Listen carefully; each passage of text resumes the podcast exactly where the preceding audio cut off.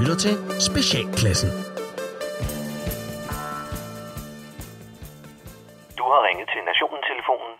Læg venligst din holdning efter bippet. Ja, det er Palle fra Kalmborg. Nå, så skal der males med gedeblod rundt om døren på med Davidstjernen og tid til at pusse legitimationspapirerne af, for nu genåbner Danmark på fuld tryk.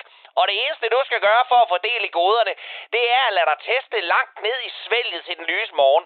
Hvis tævepatterne, de skal løbes af nede i Fitness World, så skal den livstrætte unge arbejder i testcenteret bare have lov til at vat feste dine slimhænder, til du nyser blod.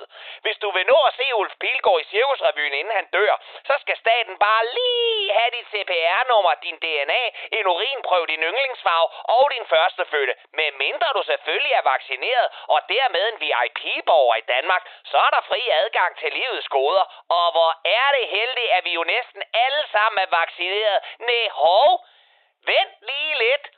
Hvorfor helvede droppede vi lige Johnson Johnson i 11. time samme fucking dag, som livet vender tilbage?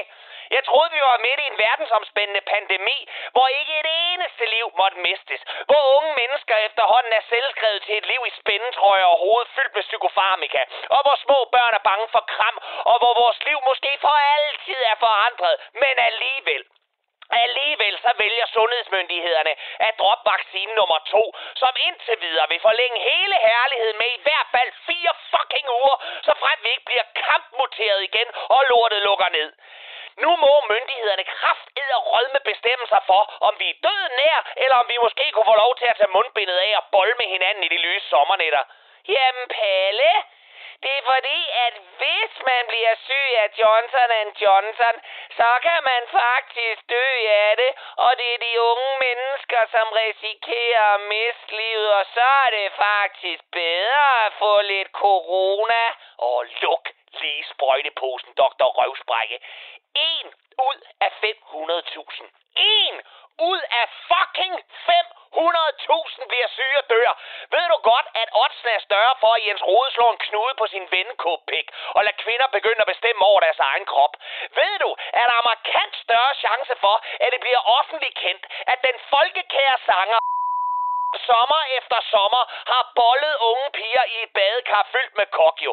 Og ved du, at chancerne for at dø af den forpulede vaccine er mindre end forhuden på Omar Masuk og Bent Melchior til sammen? Og hvad gør de små konfliktsky skabsfascister i Slotsholmen og på Sundhedsstyrelsen så? De gør det kraftigt råd med frivilligt, og man vil tage chancen med vaccinerne. Det er det mest fordummende pis og den største ansvarsfralæggelse, jeg i mit liv har hørt. Vi bor i en af de største formønderiske nationer i verden, hvor man bliver sendt på vand og brød, hvis man kører uden sele i bilen. Hvor smøger og porno skal skjules i butikkerne. Hvor staten det sidste år har gjort det helt klart for danskerne, at de på ingen mulig måde selv kan styre det at holde sammenkomster eller sidde på en offentlig bænk, uden at slå kolpatienter og mormor ihjel. Vi er blevet læst og påskrevet og har fået fortalt, hvor mange meter der skal være imellem os, når vi køber skinksalat og lukkosbørster i Føtex. Bødeblokken har siddet løst på ordensvagten, hvis ikke man kunne være sammen hver for sig. Og så kommer de nu. Nu og mener, at det er op til den enkelte umyndiggjorte dansker selv at tage den beslutning, om de vil have sprøjtet en mulig blodprop direkte ind i armene, så myndighederne kan vaske hænder i hele affæren og kalde det en selvvalgt risiko, når Biver og Hanne fra jordbærvænge nummer 1 milliard eksploderer i tilstoppet blod over hjerneblødninger. Med alt betalt af den danske stat. Jamen, hvor er vi liberale i frie Danmark? De varme lande.